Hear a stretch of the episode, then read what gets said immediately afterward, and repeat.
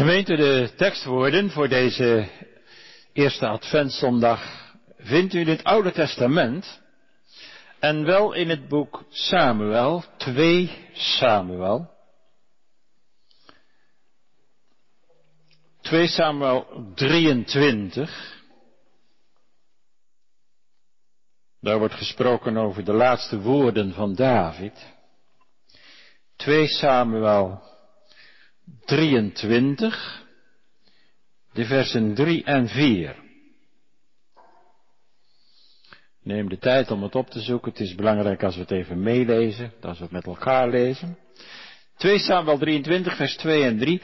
De, daar zegt David, de geest des Heeren heeft door mij gesproken. En zijn rede is op mijn tong geweest. De God Israëls heeft gezegd, de rotsteen Israëls heeft tot mij gesproken. Er zal een heerser zijn over de mensen. Een rechtvaardige. En een heerser in de vreze gods. En hij zal zijn gelijk het licht des morgens, wanneer de zon opgaat. Des morgens zonder wolken, wanneer van de glans van de regen de grasscheutjes uit de aarde voortkomen. Tot zover onze tekst. David spreekt over zijn grote zoon. Dat is het thema. We letten op drie aandachtspunten. In de eerste plaats de geest van de profetie. Spreekt hij duidelijk over, dat hebben we gelezen. In de tweede plaats de rechtvaardige heerser. Die komen zal. En dan het vierde vers, het vruchtbaar makende licht. Dus David spreekt over zijn grote zoon. We letten op de geest van de profetie, de rechtvaardige heerser en het vruchtbaar makende licht. Gemeente Advent betekent hij komt en dat geeft verlangen in het hart. Heel veel mensen in deze tijd hebben een diep verlangen. Als je dat zo hoort, de een zegt, ik verlang toch zo dat alles weer normaal wordt. Verlangen naar het normaal. Ik verlang ernaar dat iedereen weer naar de kerk kan. Dat er versoepeling komt van de coronaregels. Zeker rond kerst en oud en nieuw. Andere mensen verlangen heel sterk naar een vaccin. Waarbij ze denken dat dan het probleem is opgelost. Advent. Verlangen. Naar de komst van Jezus. Verlangt u naar Jezus? Hij is al gekomen. En hij komt er nog aan. Maar hij wil ook komen in jouw hart. En dat is fantastisch. Dan voel je je zo gelukkig. Dan zeg je met Jacob, op uw zaligheid wacht ik, o Heer. Jezus komt, de Messias komt, hij is gekomen en hij komt terug om zijn gemeente te volmaken verlangen naar zijn komst op de wolken. Dat heeft ook alles te maken met Advent. Maar dat kan alleen maar er zijn als hij gekomen is in je hart. En dat is zo groot, zo heerlijk, als je al je zonden mag kwijtraken aan het lam, door je handen in geloof te leggen op het lam van God, dat de zonde van de wereld wegneemt. Als je hart gevuld is met liefde, dan is er ondanks momenten van strijd en van aanvechting, die er altijd zullen zijn in het leven van de gelovigen, toch vrede in je hart. Vrede met God. Vrede met je naaste. Vrede met de omstandigheden om je heen. Vrede met corona. En alle gevolgen van dien. Dan kun je zo sterven. Zo is dat bij David in onze tekst. David gaat sterven. In het voorgaande hoofdstuk heeft hij een lof- en danklied gezongen tot God vanwege Gods trouw in zijn leven. De Heer heeft hem gered uit de macht van al zijn vijanden en daar prijst hij de Heere voor. Het is zijn laatste lied. Vergelijkbaar met Psalm 72. Daar zingt hij ook een lied als hij over de regering van Salomo heen ziet op de komende Messias die zijn eeuwig vrederijk zal stichten. En dan zegt David, de gebeden van David, de zoon van Isaï, hebben een einde. Hier in 2 Samuel 22 eindigt David zijn danklied voor de Heere met een lofprijzing op God. Dat is mooi. Als je toch zo je, zo je leven mag eindigen. Met een lofprijzing op God. Hij eindigt zijn lied met de grote overwinning die God geeft in zijn onmetelijke goedertierenheid voor hem en voor zijn nageslacht tot in eeuwigheid. Ja, dan mogen wij denken aan die grote Davids zoon, de Heer Jezus, aan wie zijn laatste woorden heel duidelijk zijn gewijd. Mooi dat 2 Samuel 22 in de psalmbundel is opgenomen als psalm 18. Wat een zegen. Als je zo duidelijk bereid mag zijn om te sterven. Bent u dat ook? Bereid om te sterven. Daar moet je niet op wachten. Dat moet er nu zijn. Vandaag. In je leven. Stralen we iets uit van de zondaarsliefde van de Heere Jezus naar anderen toe? Ouderen onder ons, verlangt u er wel eens naar om voor eeuwig bij de Heere te zijn, verlost van pijn, moeite, zorgen, van jezelf? Is er een gegronde hoop in ons hart? Ligt onze hoop verankerd in wat David hier noemt de rotsteen van Israël, die tot David gesproken heeft en nog steeds spreekt tot elk die voor hem leeft. Ook nu in de verkondiging van het eeuwige evangelie. Dan is er dat oprechte op uh, adventsverlangen van de Nieuwtestamentische kerk. Kom, Heere Jezus, kom haastig. Op zich zijn onze laatste woorden natuurlijk niet beslissend voor onze eeuwige toekomst. Het gaat om ons leven. Hier en nu of uit het woord mochten leven, of uit Christus mochten leven, dan zal je einde vrede zijn. Ook al heb je op je sterfbed geen woord meer kunnen uitbrengen,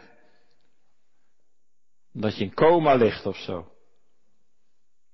Als je leven Christus is, dan zal je sterven winst zijn. David neemt afscheid voor zijn sterven.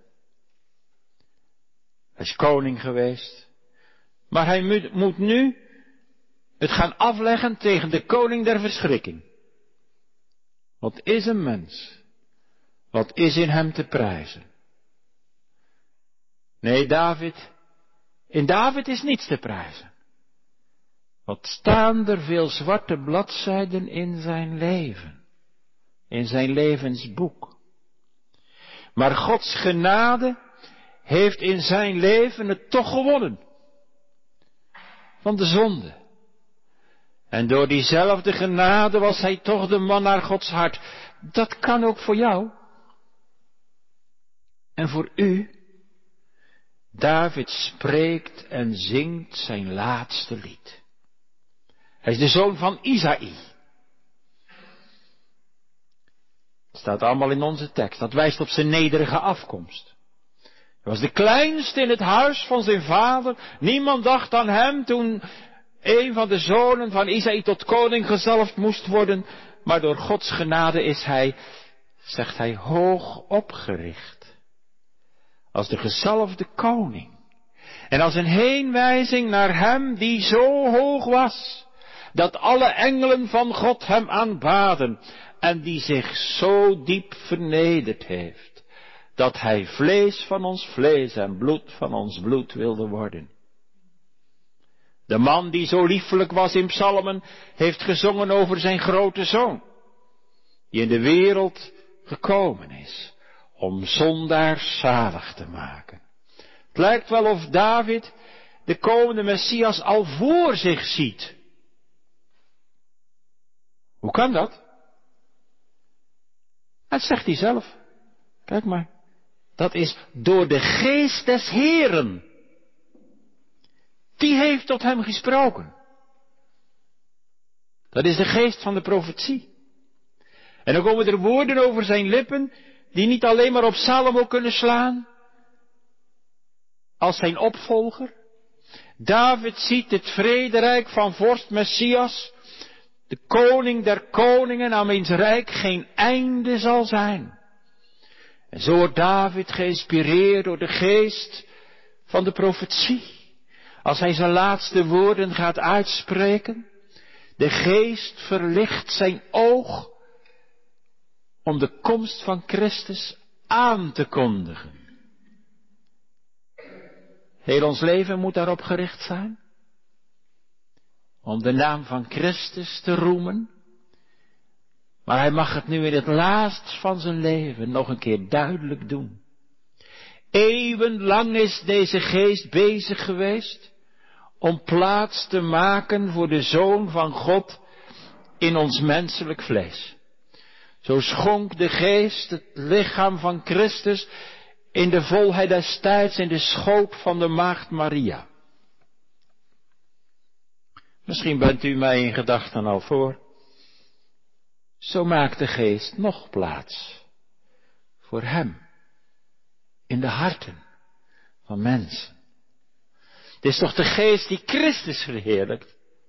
Het is de geest die ons laat zien hoe arm en verloren we zijn in onszelf. Door onze zonden. De geest die je ogen opent voor de heerlijkheid en de liefde van de Heere Jezus. Is de geest die dat ware adventsverlangen in je hart verwekt. Het is de geest van de Vader en de Zoon die je uitdrijft tot Christus. Om in Hem geborgen te zijn. Om vrede te ontvangen. Door het bloed dat gevloeid is uit zijn gezegende zaligmakershanden. Aan het kruis. Oh, dat maakt een mens zo klein. Zo ootmoedig. Zo onwaardig. Niet hard. Niet hoog. Maar nederig. En zacht. Dan mag je leven uit Hem. En voor Hem en door Hem. Niemand kan zeggen Jezus de Heere te zijn, dat Jezus zijn Heere is, dan door de Heilige Geest. David is in, is in zijn laatste levensfase. Wat schittert in zijn woorden het werk van God. En wat heeft de Heilige Geest dan aan David doorgegeven? Want hij zegt dat hij spreekt door de geest van de profetie. Net als in Psalm 72 mag je gerust eerst denken aan zijn opvolger Salomo. David kan gedacht hebben aan zijn zoon Salomo, die na hem op een rechtvaardige manier het bewind zal voeren over Israël, zo staat het ook in Psalm 72. Hij zal de moscheel zijn. Moscheel, dat is de heerser, de koning, na hem. Hij zal over mensen regeren, eerbiedig, in ontzag voor God. Als Salomo rechtvaardig en Godvrezend regeert, dan zal dat tot zegen zijn van Israël. Maar dan ziet David over het hoofd van zijn zoon Salomo heen tot op de komst van de Messias. En zijn vrederijk. Zo gaat het niet alleen in Psalm 72, maar zo gaat het hier ook in onze tekst. Hij ziet het eeuwig vrederijk van vorst Messias voor zich. De heerser over de mensen. De rechtvaardige koning, die zo goed voor zijn onderdanen zorgt. De Messias. Hij komt, de rechtvaardige heerser. En zijn werk zal zoveel vrucht opleveren, dat eenmaal de oogst van miljoenen en miljoenen mensen als geredde zondaars wordt binnengehaald in de hemelse schuur. Zo lief had hij zondaars, dat hij voor hen stierf.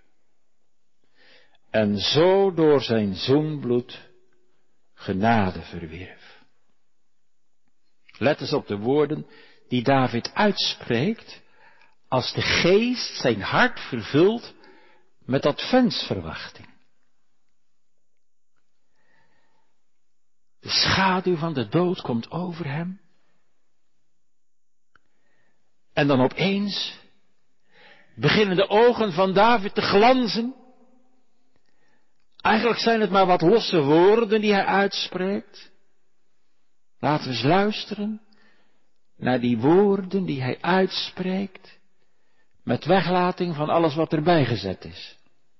U weet wel, we hebben een Bijbel en daar staan de in schuin gedrukte woorden staat wat er niet staat. Dat is alleen maar om verklarend te zijn, om de zin goed te laten lopen. Maar wat er letterlijk staat in het Hebreeuws is dit. Heerser over mensen. Rechtvaardig. Heerser. Vrees van God. Als morgenlicht. De zon komt op. Morgen zonder wolken. Als glans naar regen. Jong groen uit de aarde. Het zijn allemaal hele korte afgebroken zinnen. Zo kan een stervende soms spreken. In één woordzinnen of in twee woordzinnen. Uitingen van een ontroerd gemoed waar de geest in het hart getuigt van de Heer Jezus Christus. Soms bij een sterfbed heft iemand alleen maar de vinger naar boven en zegt, mijn enige troost. Wat rijk, als je bij zo'n sterfbed mag staan en mag zingen, zo laat gij Heer uw knecht naar het woord hem toegezegd, thans heen gaan in vrede.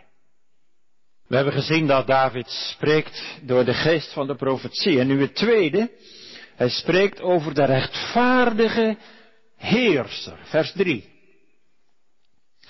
De God van Israël heeft gezegd, de rotsteen van Israël heeft tot mij gesproken, er zal een heerser zijn over de mensen, een rechtvaardige, een heerser in de vreze Gods. Er zal een heerser zijn over de mensen. U moet hier niet denken aan een oosters despoot. Iemand met machtswellust. En daarom zegt David er gelijk, gelijk bij, een rechtvaardige. In de vreze gods. Een godvrezende. Het gaat om een koning. Het gaat om een vorst. En als u naar de uitleg vraagt, de kanttekening helpt ons op het goede spoor te zetten. Want daar staat, dat is onze eeuwige koning en Heere. Jezus Christus, waar David een voorbeeld van geweest is en waarvan God gezegd heeft dat hij uit zijn nageslacht zou voortkomen. Recht toe, recht aan.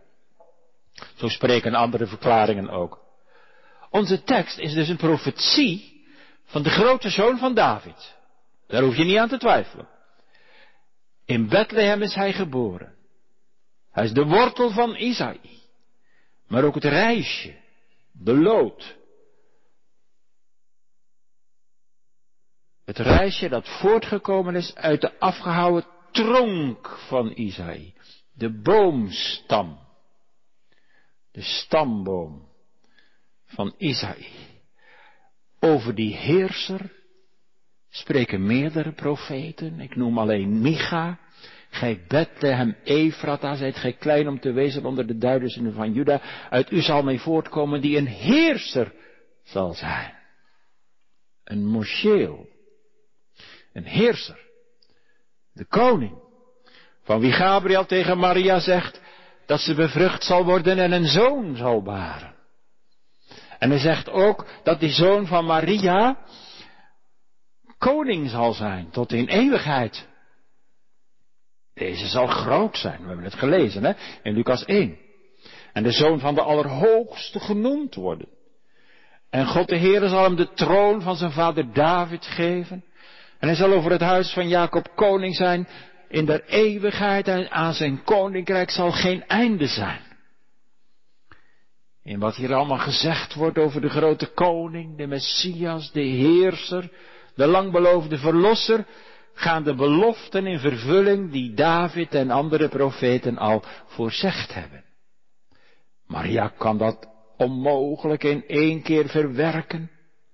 Maar zij heeft wel genoeg kennis van de schriften om te verstaan dat zij de moeder van de Messias zal worden. Gabriel heeft immers woorden gebruikt die haar bekend voorkomen. De grote zoon van David.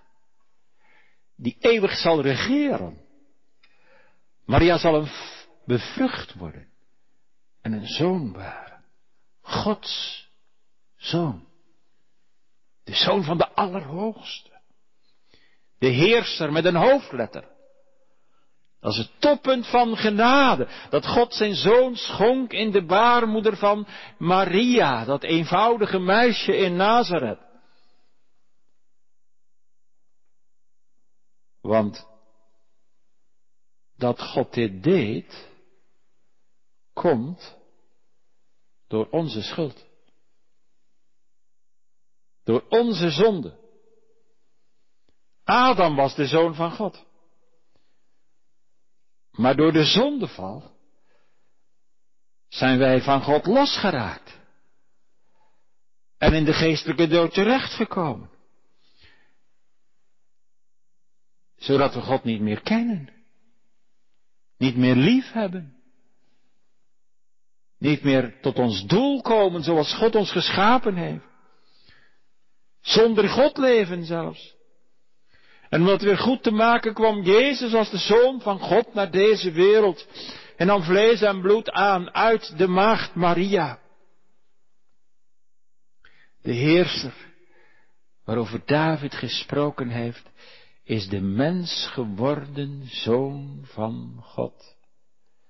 En de engel zegt, deze zal groot zijn. En God de Heer zal hem de troon van zijn vader David geven. Maar waarin is hij dan zo groot? Waar blijkt dan de heerlijkheid van die heerser? Het tegendeel is zichtbaar. Zijn hele leven heeft gestaan in het teken van zijn vernedering. Zijn wieg was een krib en zijn troon was een kruis. Ja, dit is inderdaad de theologie van het kruis. Dat God zijn doel bereikt langs een weg die het tegendeel is van zijn heerlijkheid. Zo kwam hij onder de mensen, mens geworden, nederig en gering, als de zoon van de timmerman. En hij schaamde zich niet om zijn volgelingen, met al hun gebreken en zonden en jaloezie, zijn broeders te noemen. Hij verborg de glans van zijn heerlijkheid en wilde zo als hulpeloos kind geboren worden, kind onder de kinderen zijn, jongens en meisjes. Hij heeft ook jullie leeftijd gehad. Hij heeft nooit zonde gedaan. Mens onder de mensen. Zo was hij aanspreekbaar en bereikbaar. Ook voor tollenaars en zondaars en hoeren. En voor jou. En voor mij. In dat perspectief staat het kerstfeest. Hij is groot. In zijn kleinheid. In zijn vernedering. Hij onderwierp zich aan zwakheid, pijn, uitputting. Deze heerser is de kruiskoning. Hij kwam in deze wereld om te lijden en te sterven voor de zonde. De doeken en de kribben zijn daar al een teken van. Een teken van zijn vernedering. Hij is geslagen en verbrijzeld, gestriemd door de gezelslagen. Hij weende, hij dorste, hem dorste, hij bloedde. De heerser werd met dorens gekroond. De koning werd met dorens gekroond. Denk aan het kruisopschrift van Pilatus. Jezus, de Nazarener, de koning der Joden. En daar stierf hij. Voor onze zonden. Maar op Pasen is hij zegevierend opgestaan. De kruiskoning is de koning der heerlijkheid. En het loopt uit op zijn wederkomst, op de grote advent. David zegt dat Jezus een heerser zal zijn over de mensen. Ziet u het staan? Over de mensen. Dat is meer dan over Israël. Dat zijn ook de mensen uit de heidenen. Daar horen u en ik ook bij. Wij worden hier bedoeld. Heerzuchtige, hoogmoedige mensen die niemand naast zich dulden, over zulke mensen zal hij regeren. Hoe is dat in de wereld mogelijk? Kent u dat wonder? Dat hij de baas is geworden in uw leven. En dat je hem graag gehoorzaam bent. En dat je spijt hebt. Iedere keer als je hem ongehoorzaam bent. Als je s'avonds je knieën baagt voor de Heer. Heere Jezus, ik heb u verlogend. Toen mijn vrienden u vloekten. Heere Jezus, ik heb u verlogend. Toen ik naar verkeerde beelden keek, die horen bij het rijk van de duisternis. Hoe meer hij heerser is, baas, koning in je hart, hoe meer je toch op hem gaat lijken. En zijn beeld gelijkvormig wordt door de werking van de Heilige Geest. Hij is een heerser in de vreze Gods, staat er. Nou, dat zit er niet bij ons in van nature. De Bijbel zegt, er is geen vreze Gods voor hun ogen. Maar Jezus is gekomen. In diep ontzag voor God. En hij regeert in de naam van de Vader. Hij is volkomen gericht op de eer van zijn Vader.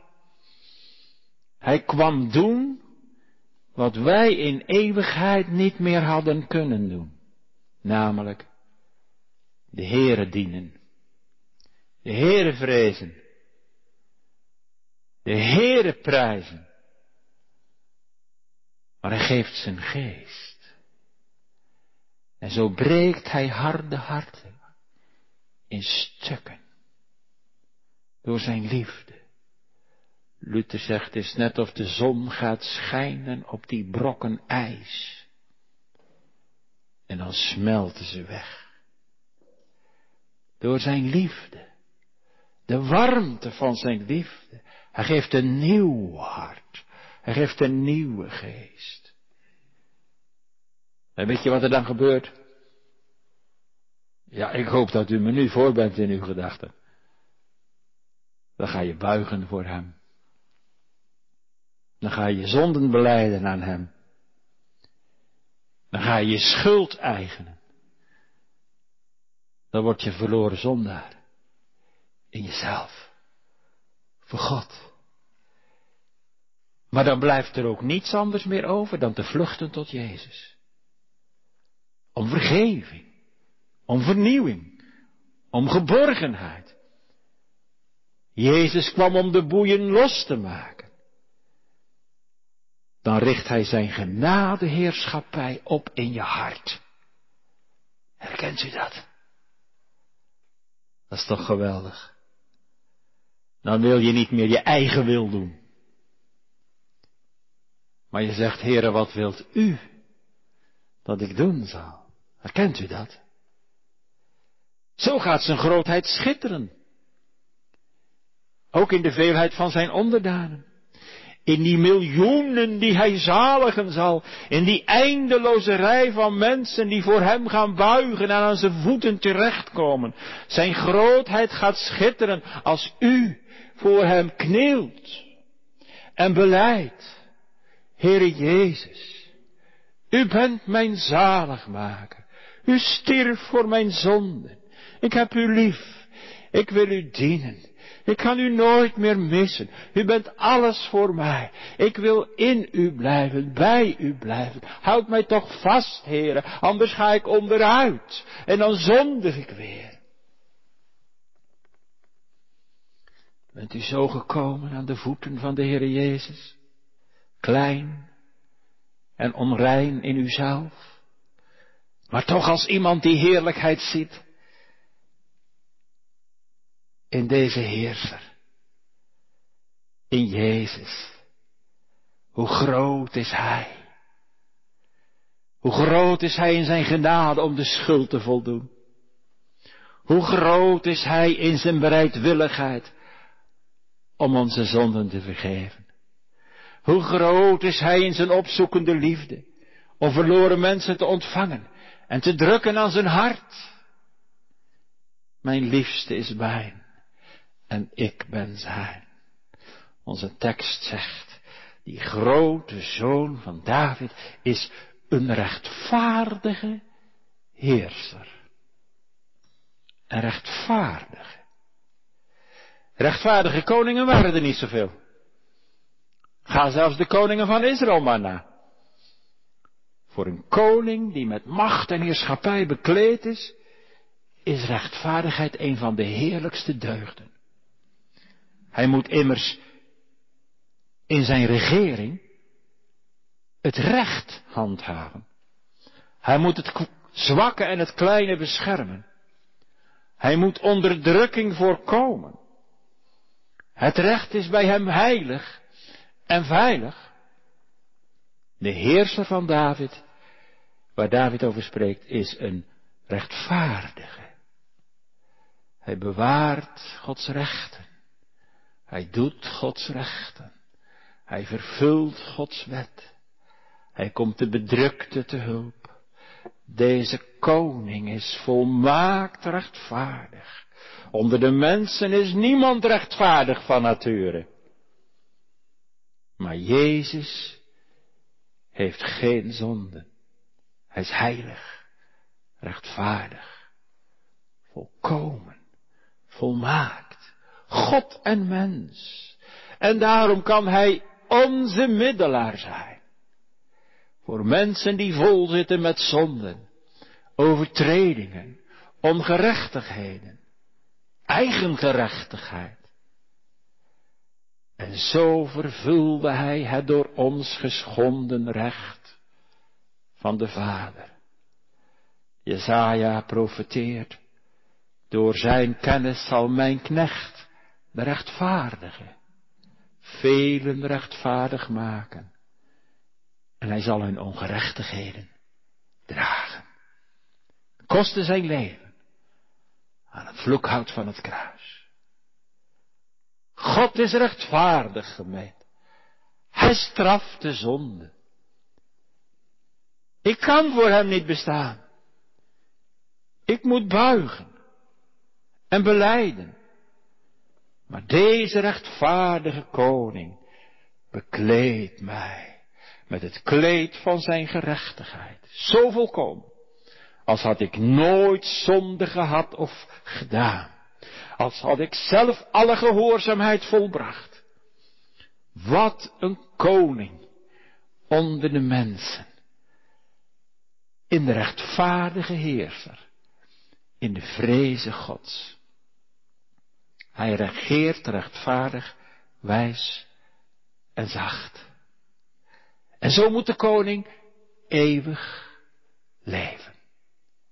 Buig elk met diepst ontzag. David wijst op Christus.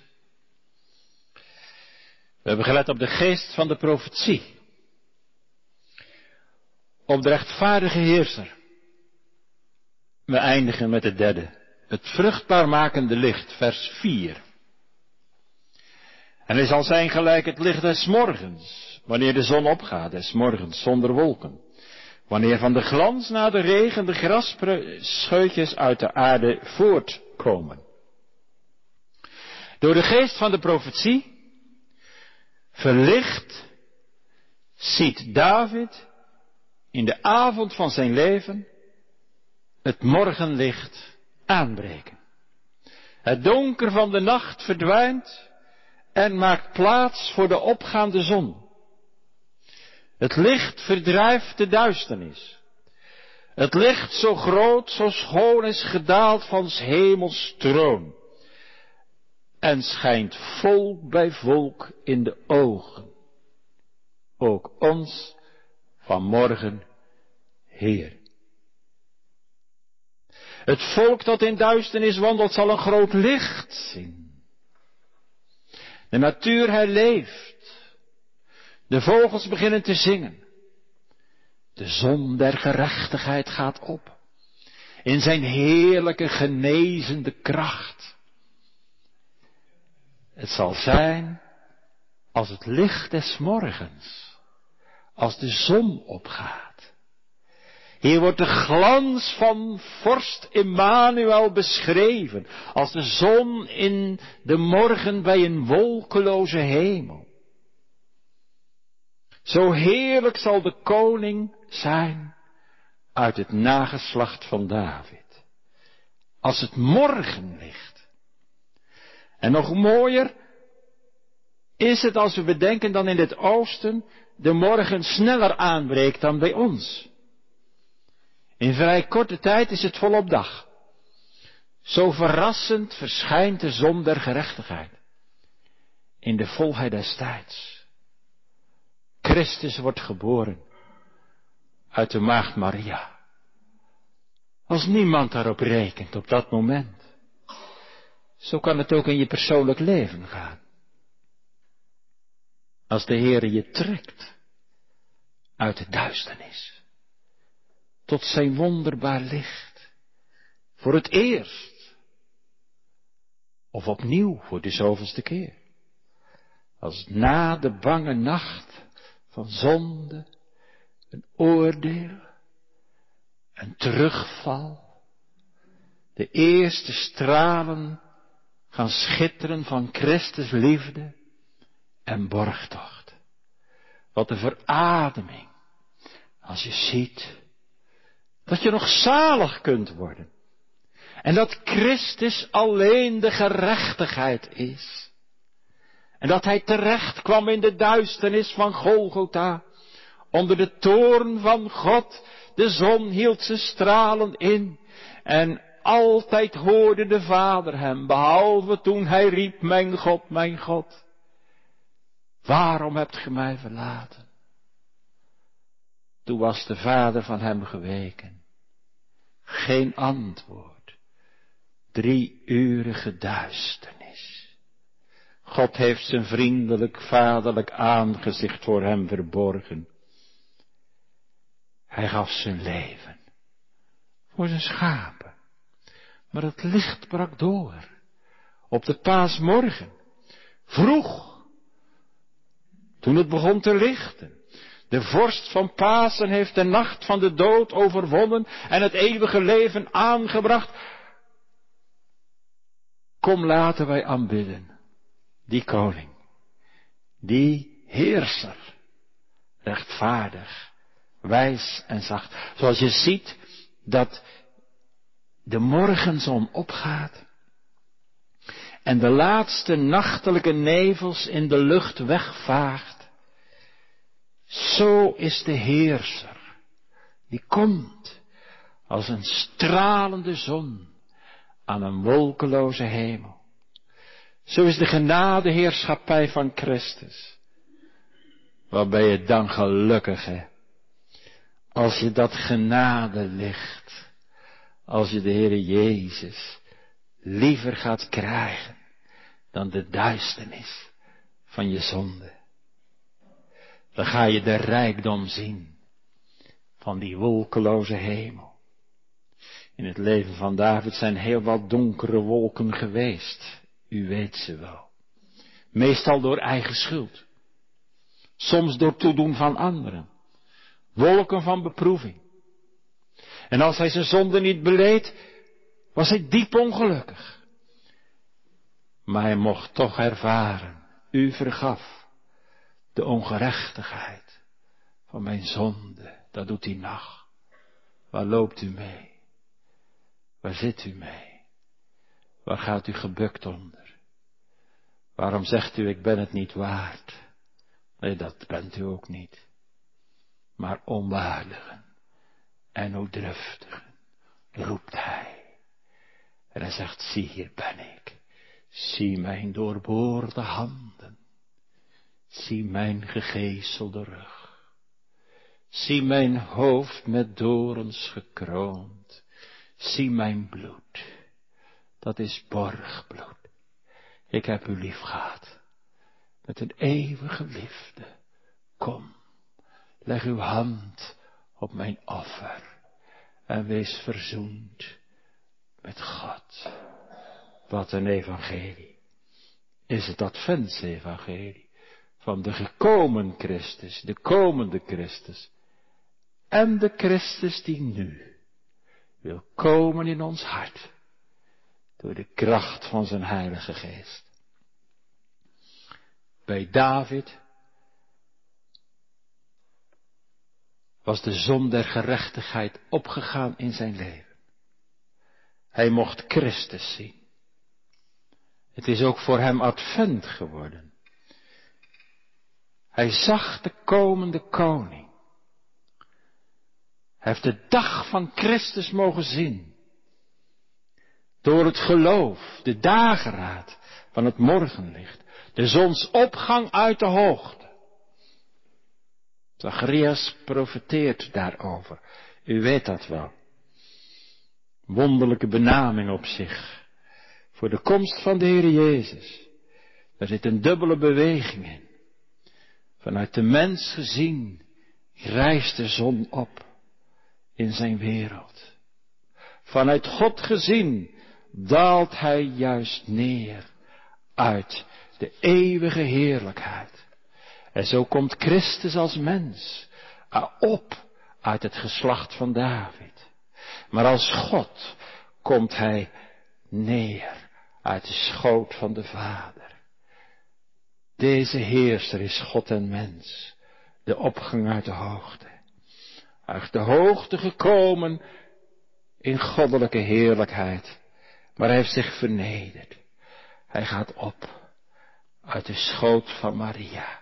Die profetische woorden van David eindigen met een paar beelden glans, regen en grasscheutjes uit de aarde.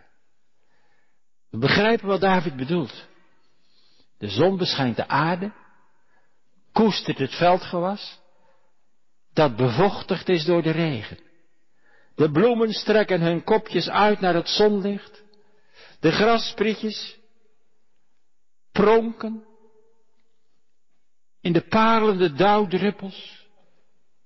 Hoeveel te meer komt alles tot nieuw leven in het rijk van de herschepping.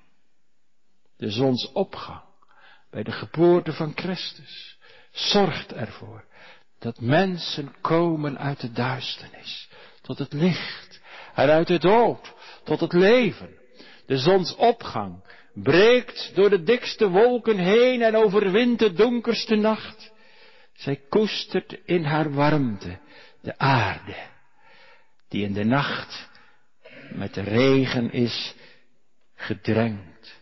Het zaad ontkiemt in de akker, het jonge groen uit de aarde komt tevoorschijn en daar zit de belofte van de oogst in. En zo werkt nu Christus met het zaad van het woord en dauw van de geest in de gemeente. En via de gemeente in deze wereld. De woorden van David zien op de geestelijke vruchtbaarheid onder de heerschappij van koning Jezus. Bent u zich dat bewust? U draagt zijn teken, zijn merk en veldteken. Geestelijke vruchtbaarheid. Niet alleen grote vruchtbaarheid, maar dan ligt over die welige groei de glans van zijn heerlijkheid, van zijn genade. De glans van zijn genade spreidt zich over alles uit. Wat een zegen. Als je onder de bediening van het evangelie die eerste groene sprietjes van het geloof en van bekering mag ontdekken. Bepareld met het zachte dauw van de Heilige Geest. Groeiend in de warme zonnestralen van de liefdezon Christus. Wat een honger en dorst naar Hem. Door de voeding van het woord opgroeiend, bloeiend en vruchtdragend. Wat een lieflijk beeld. Herkent u het? Herken jij dat in je eigen leven? Draag je ook echt vrucht voor God? Wat een rijke zegen. Om zo te mogen groeien en bloeien in de genade en de kennis van de Heer Jezus. Dat maakt geen hoogmoedige mensen hoor. Dat maakt ootmoedige mensen die klein denken van zichzelf. Dan zijn er vruchten van geloof en van liefde en van blijdschap en van zachtmoedigheid en van vriendelijkheid. En daarover straalt de glans van de genade van de Heer Jezus Christus. En alles wordt nieuw. Dat heeft Hij verdiend. Door zijn weg te gaan. Van kribben naar kruis. Totdat de zon zijn stralen introk op Golgotha. Opdat de zon van Gods vriendelijk aangezicht over ons zou opgaan. Kent u het? Vrede met God. Wandelen in het licht. Gemeente, ik las op een boekenlegger ik kreeg. De geboorte van Christus bracht God bij de mensen. En het kruis van Christus brengt mensen bij God. Maar de Heere gebruikt ons, u en mij, om die boodschap door te geven. Om vruchtbaar te zijn. Gij hebt mij niet uitverkoren, maar ik heb u uitverkoren, opdat gij zoudt heen gaan en vrucht dragen en dat die vrucht blijven. Dat is eeuwigheidsvrucht. Mensen die gered worden door God via ons getuigenis. David gaat sterven. Het evangelie gaat voort. En Christus vergadert zijn koninkrijk uit alle geslachten, talen, naties en tongen. Alle heidenen zullen hem wel gelukzalig noemen. Gelooft zij de naam van zijn heerlijkheid. En de gehele aarde wordt met zijn heerlijkheid vervuld. En zo zullen ze komen, die hij kocht met zijn bloed, om het geluk van deze koning te prijzen, die Davids troon beklom. Amen. Dank u, heren, voor uw woord.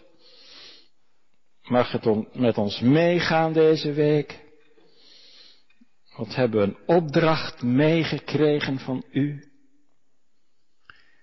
Als we nog leven in de duisternis, om daar niet te blijven.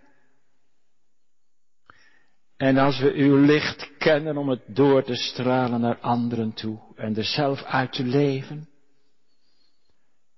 Heere, wilt u zelf de toepasser zijn van het woord in onze harten. Vergeef ons genadig alles wat verkeerd was. En zegen wat van u was. En wees met u dienaar, Heere, die de tweede dienst hier in Zeist hoopt voor te gaan. Wij binnen het alles van u. In de naam van de Heer Jezus Christus, uw Zoon, uit genade alleen. Amen.